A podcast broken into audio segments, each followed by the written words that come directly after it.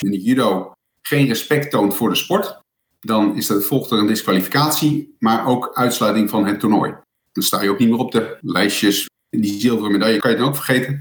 Het gebeurt niet zo vaak, dat soort dingen. Maar dat gebruik ik wel eens ook in mijn werk. Dat als je geen respect toont voor elkaar en dat je elkaar gewoon in risico willens en wetens brengt, dan heb je er niks te zoeken. Dan moet je maar wat anders gaan doen met je, in je leven. Je luistert naar Verhalen in Veiligheid. Deze podcast brengt verhalen over veiligheid samen met de mensen die het doen. Met wisselende onderwerpen. Verhalen vanuit de wetenschap, verhalen vanuit de praktijk, maar vooral verhalen die raken. Uw presentatrice is Orlie Polak.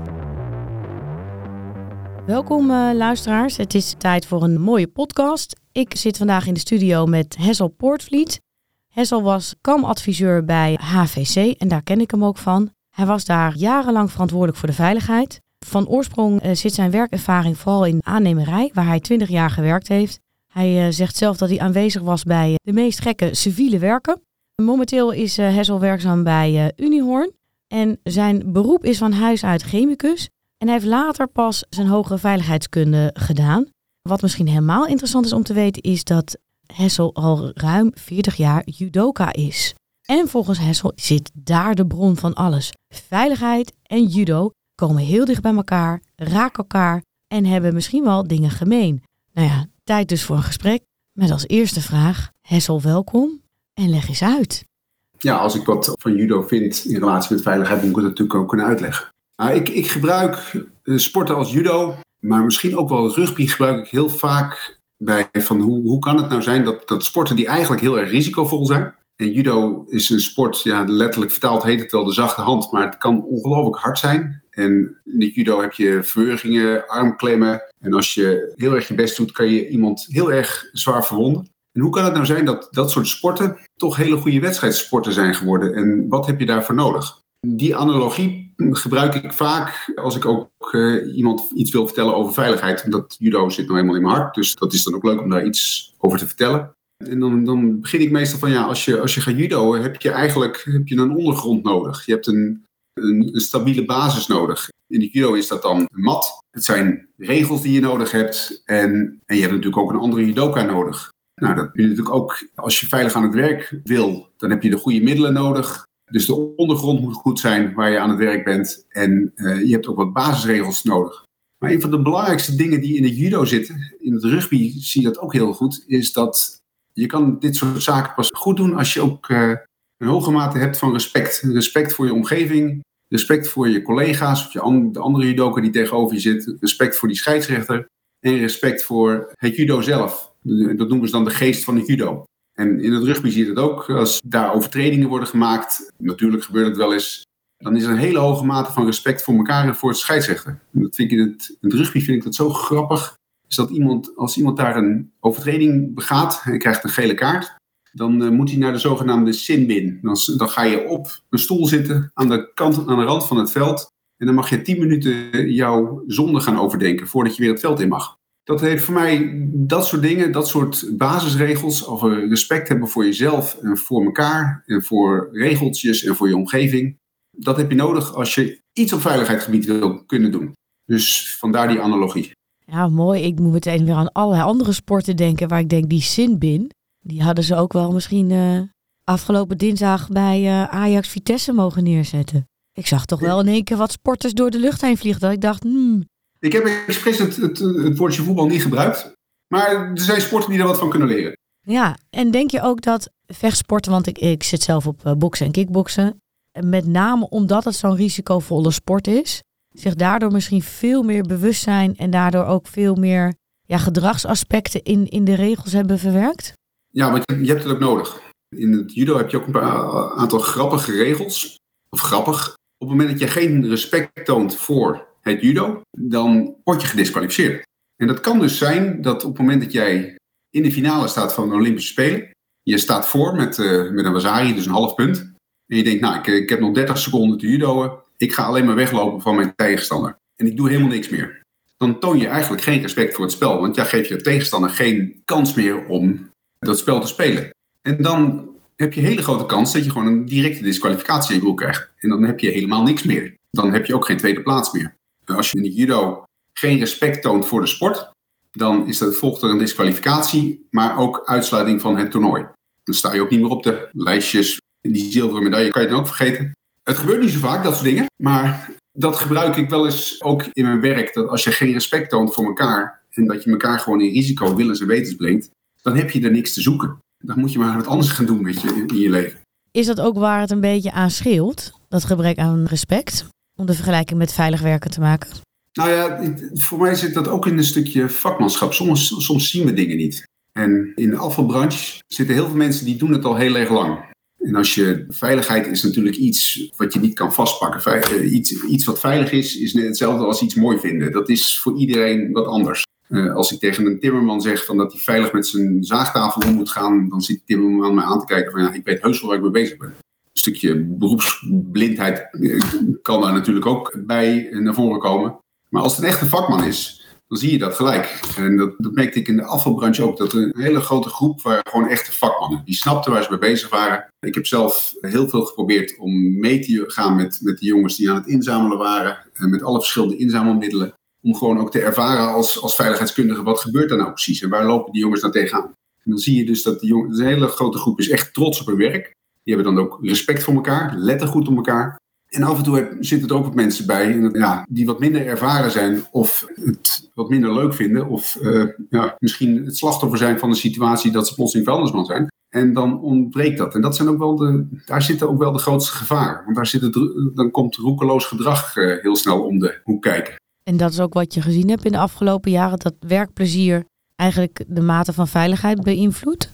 Ja, zeker. zeker. Die jongens die, die trots zijn, daar merk je ook dat zij het leuk vinden. Ik heb heel veel, bij heel veel mensen heb ik in de vrachtwagen gezeten die zeiden van dit is eigenlijk het leukste beroep wat er is. En je hebt ook wel een, een groep die, ja, dan, dan noemen ze zichzelf vuilnisman. En dan is het alsof dat iets, ja, een mindere baan is dan, eh, dan een dokter of een huisarts. Of, uh, terwijl iedereen heeft, heeft een belangrijke rol in die uh, samenleving. En we zijn allemaal vitaal.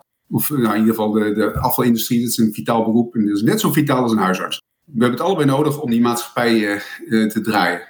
Maar de juiste mensen die trots waren, daar merk je ook dat, dat hoge veiligheidsbesef. En dat ook als er jongens komen die vanuit een flexibele schil, de, de uitzendkrachten die je af en toe nodig hebt, daar wordt op gelet. Ja, er is ook een groep die vindt dat wat minder interessant. En, denk, en daar had ik af en toe wel eens wat moeite mee. Die waren dan een soort slachtoffers. En wat bedoel je daarmee? Slachtoffers? Van wat? Slachtoffers um, zichzelf of van het, van het werk? Van het werk.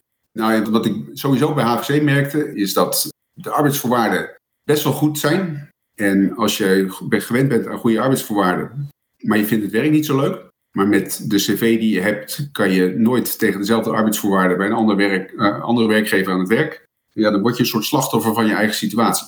Terwijl iedereen kan overal werken, maar dat zit maar in het willen. Ja, en het eigenlijk niet willen, zeg jij, beïnvloedt ja, dat onveilige gedrag op de werkvloer.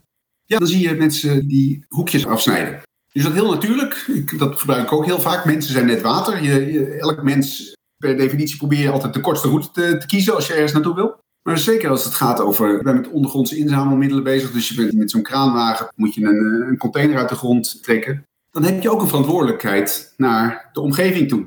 Naar, naar mensen die daar omheen lopen. Je moet zorgen dat zij ook niet in gevaar lopen. En dat je jezelf niet in gevaar brengt. Dat betekent dus dat je een goede positie moet kiezen ten opzichte van die kraan. Dat je dat op een beheerste wijze eruit moet hijsen en weer terug moet zetten. En dat als er mensen langskomen die alsnog denken van nou, die alsnog hun, hun afvalzakje kwijt willen terwijl jij aan het inzamelen bent, dat je ook het lef moet hebben om iemand even tegen te houden van meneer of mevrouw, nu even niet. En ik, ik, merkte aan sommige mensen dat we daar wel erg, ja, dan zeggen ze, ja, maar die burger, die doet dat toch wel. Ja, maar wij hebben er ook een verantwoordelijkheid naar. Wij staan daar, wij moeten zo'n stukje terrein afzetten. Wij moeten zorgen dat die burger te zaakjes daar ook veilig kan. En als, als hij dat niet snapt, dan moeten we hem erop attenderen. En hoe doe je dat als organisatie? Ik kan me best wel voorstellen dat je soms tegen frustraties bent aangelopen. Ja, dit soort dingen gebeuren altijd op het moment dat je er niet bent. Maar hier kan je mensen in helpen.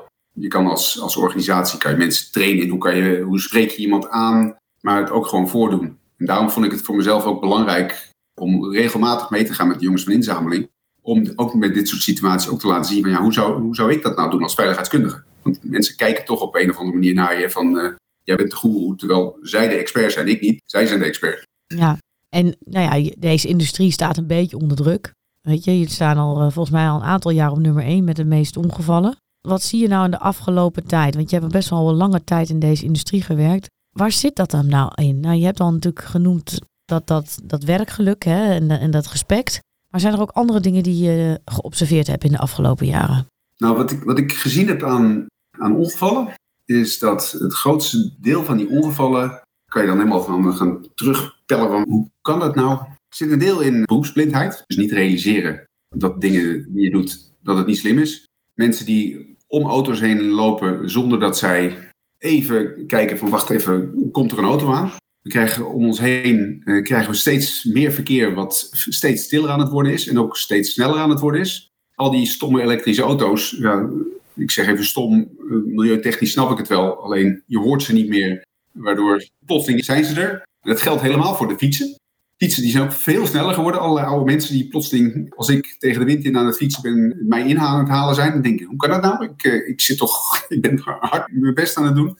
Daar hebben die jongens ook allemaal mee te maken. Met allerlei verkeer wat om ze heen gaat. En als we allerlei inhuurkrachten achter een vuilniswagen aan laten lopen, dan verwacht je eigenlijk, er hoort een mentor bij te zijn. Iemand die het ook leuk vindt om die jeugdige of die, die inhuurkrachten te helpen in het goed realiseren waar ze mee bezig zijn. En dat ze de dingen die ze doen, dat ze gewoon hun ogen en oren open moeten houden.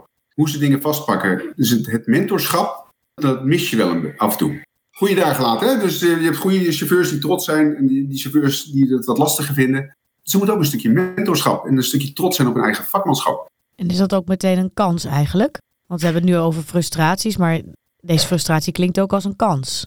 Ja, want er zit ook gelijk een oplossing in. Ja, daar zit zeker een kans dat je de ervaren chauffeurs ook een stukje trotsheid meegeeft. Dat hetgene dat zij ervaren zijn, dat zij de vakmannen zijn. En dat, dat je, als je gaat sturen op vakmanschap, en iemand waardeert op zijn vakmanschap, dan eh, versterkt dat elkaar. Ja, en moeten we ook iets doen met die bewoners? Want ja, ik vind dat best wel, als ik zeg maar in de schoenen sta van de inzamelaar, en uh, ik ben wel eens meegegaan, en ik sta daar uh, op die wagen, en ik heb al die, vooral die fietsers vind ik doodeng, wat je net ook omschrijft. Nergens wordt er een campagne gevoerd naar bewoners van, joh, hou eens rekening met onze jongens.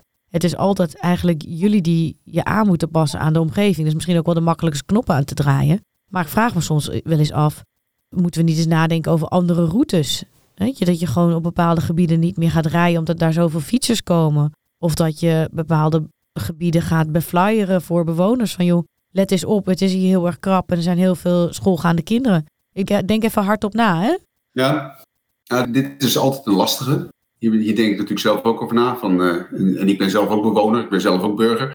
En als ik achter een vuilniswagen moet staan die daar toevallig uh, lang werk heeft, ja, ik kan er wat van vinden, maar uh, heeft helemaal geen zin. sommige mensen worden er agressief van. Dat zijn de meest gevaarlijke. Ik denk dat dit ook een beetje een samenspel is met de gemeentes. Want de gemeentes bepalen over het algemeen waar zijn de inzamellocaties en hoeveel ruimte bieden wij aan de afvalinzamelaars om hun werk ook goed te kunnen doen. Dus de positie van ondergrondse containers is heel belangrijk voor het stukje veiligheid van die jongen die dat moet gaan inzamelen. Ja. Dus bij het inrichten van wijken, ja, dat, uh, van, van nieuwe wijken, uh, mis ik dat wel eens. Want dat zijn van die dingen die pas op het laatste bijkomen. Dat een projectontwikkelaar, oh wacht even, er moet natuurlijk ook zo meteen een, een rolcontainer langs de weg worden gezet. Hoe kunnen we dat zo Waar kunnen we dat doen dat, er, dat het er zo mooi mogelijk uitziet en dat niemand er last van heeft? Ja. Die afvalinzamelaar die wil eigenlijk ruimte hebben om dat te kunnen doen. Dus dat, dat integrale ontwerp van die uh, openbare ruimte, kom ik weer in mijn aannemerij, daar kan je al heel wat van dit soort onbegrip naar elkaar voorkomen. Ja, want ik zie bijvoorbeeld altijd de inzamelpunten op de hoek. Ja. Dan kan je echt afvragen, is, is dat überhaupt wel de plek? Of misschien is dat de plek met de meeste ruimte, is daarover nagedacht. En ik zag hem, bijvoorbeeld die ondergrondse containers, die staan, die staan best wel op gevaarlijke plekken. Ik heb ze bijvoorbeeld altijd op in- en uitritten gezien. Mm. Dus ook als je het dumpt, zeg maar, als bewoner, sta je altijd in de weg. Je hebt beperkt zicht. Je staat eigenlijk half op stoep, op fietspad en nog op de autoweg. Ja.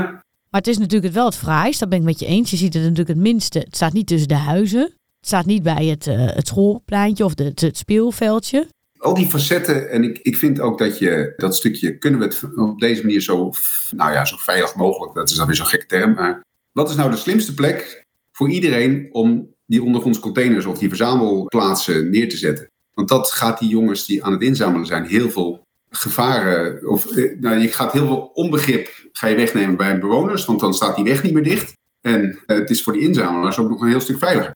Maar dat, dat is een heel lastig samenspel. En eh, ja, dat, de ideale wereld gaat erover. En als je het dan over toverstokjes hebt van ja, wat zou helpen, is dit soort dingen. En gebeurt dit al? Even hele, even misschien een beetje een gekke vraag, maar ik kan me wel voorstellen dat dit gebeurt. Of werkt gemeente niet samen met afvalinzamelaars? Nou, het is meestal pas, dit zijn pas dingen waar helemaal aan het eind van een, een projectontwikkelingstraject over nagedacht wordt. Meestal heb je natuurlijk een, een, een wijk, een stuk, een stuk grond. Projectontwikkelaar gaat er ontwerpen. De ontwerp wordt allemaal meegenomen. Op een gegeven moment voorontwerp, definitief ontwerp. En dan uh, moeten de nutsvoorzieningen erin. En wij zijn natuurlijk ook een soort nutsachtig bedrijf. En dat moet altijd maar schipperen met het ontwerp. Dus als je dit soort dingen moet, ja, neem het integraal mee. Ja, en dat is de perfecte toverstaf. Ja. Eigenlijk nou ja. safety by design. Ja, als ik naar de toekomst kijk voor afvalinzameling. En je kijkt nu een beetje wat er om je heen gebeurt. Er wordt veel meer gestuurd op dat bewoners zo min mogelijk afval gaan produceren. En aan de andere kant willen we ook nog een keer, we zijn ook steeds meer naar een maatschappij toe dat we alles met een druk op de knop kunnen bestellen en dat het bij je gebracht wordt. Dus ik zou het helemaal niet gek vinden als er over een paar jaar, en misschien is dat wel over een vijf jaar, dat er al afvalinzamelaars gaan uh, naar een soort, uh, dat we inzamelen op afroep. Dus dat, dat je vrachtwagen, dat je zegt, nou ik, uh, mijn grijze container moet weg. Ik stuur even een appje naar HVC, weet ik veel. En kom hem even ophalen. Ik zet hem morgenochtend zet ik hem neer tussen 9 en 10. Net zoals dat ik weet wanneer mijn boek komt wat ik bij bol.com besteld heb, dan weet ik ook wanneer mijn afvalcontainer in weggehaald wordt. Ik verwacht dat die ontwikkeling er gaat komen. Dat je ook naar een afvalbreekstation gaat, dat je van tevoren hebt aangemeld hebt van dit kom ik brengen. Dat ik bij dat afvalbreekstation kom, dat daar de, de, de slagboom open gaat. Dat de containers geopend worden uh, die ik nodig heb om mijn spullen kwijt te raken. Dat ik daar mijn spullen in kwijt kan. Dat ik verder helemaal niemand zie. En dat ik dan weer uh, weg kan rijden. En of ik dat nou zondagnacht doe om, om 12 uur of ik doe het maandagochtend, dat maakt dan niet zo heel veel uit. Dus dat we veel meer uh, zoals die Engelsen dat zo mooi zeggen, just-in-time delivery-achtige ja, processen krijgen. Want je ziet het overal mee. Als ik nu bestel bij de supermarkt, heb ik een kwartier later heb ik dat spul van de supermarkt. Nou, je ziet het wel een beetje in de wijken wat jij nu omschrijft. Als je kijkt naar, uh, ik woon in Amstelveen. Er werd, in het verleden werd het netjes opgehaald. Maar nu zie je al dat een deel van de afval wordt niet meer opgehaald. Die moet je zelf wegbrengen. Ja. Dus als die ondergrondse containers, als daar eens goed over nadenken, dat je daar uh, gesplitst veel meer afval in kwijt kan. Dat kan niet bij elke wijk. Maar bijvoorbeeld bij de grote flats is alles al gesplitst. Hè? Heb je een eigen soort, eigen soort afvalstraatje eigenlijk bijna. En daar wordt niks meer opgehaald. Daar worden alleen de containers, ondergrondse containers nog gelegd. Ja, ja maar dat ook, ook en dat die, dat die ondergrondse container zo meteen zelf doorgeeft wanneer die vol zit. Dat ja. deden we ook bij HFC al. Dan het gewoon het aantal klepopeningen gaf aan van wanneer moet je die container inzamelen. Dat betekent dus dat je veel flexibeler gaat inzamelen. Maar dat betekent dus ook dat, dat die overlast op allerlei verschillende momenten kan zijn. Normaal gesproken gaan mensen s ochtends naar het werk en de kinderen gaan naar school en daarna komt die, die vuilniswagen komt langs. Dus relatief zijn er weinig mensen op de weg. Want je probeert, ja, er wordt niet zo heel veel in de volledige spits uh, ingezameld. Maar dat zal je dus zo meteen, als het wat meer op maat gaat, dan komt er meer bewegingen krijg je. En dat betekent dus dat je dan ook heel slim moet gaan ontwerpen in die wijken van waar ga ik dan die verzamelcontainers neerzetten? Waar ga ik die milieustraatjes neerzetten? Moeten die nog steeds zo groot? Of kunnen we dat kleiner maken? Dat er geen wachtrijden zijn? Of zorgen we dat alles s'nachts ook open kan? Ja, mooi. Dus ik denk dat daar wel, dat, dat gaat gebeuren. Kan niet anders. Ja, nou, ik vind het een uh, mooie toekomstbeeld voor het einde van deze podcast. We krijgen een soort uh, smart grid inzameling of ophaling. Ja, als het in een land kan, kan het in Nederland. Ja, daar houden we toch van. Dingen structureel aanpakken. Ja. en goed designen, daar zijn we wel goed in. Ja, mooi. Nou, uh, heel veel om over na te denken. Ik wil jou hartelijk danken voor deze podcast. Nou, graag gedaan.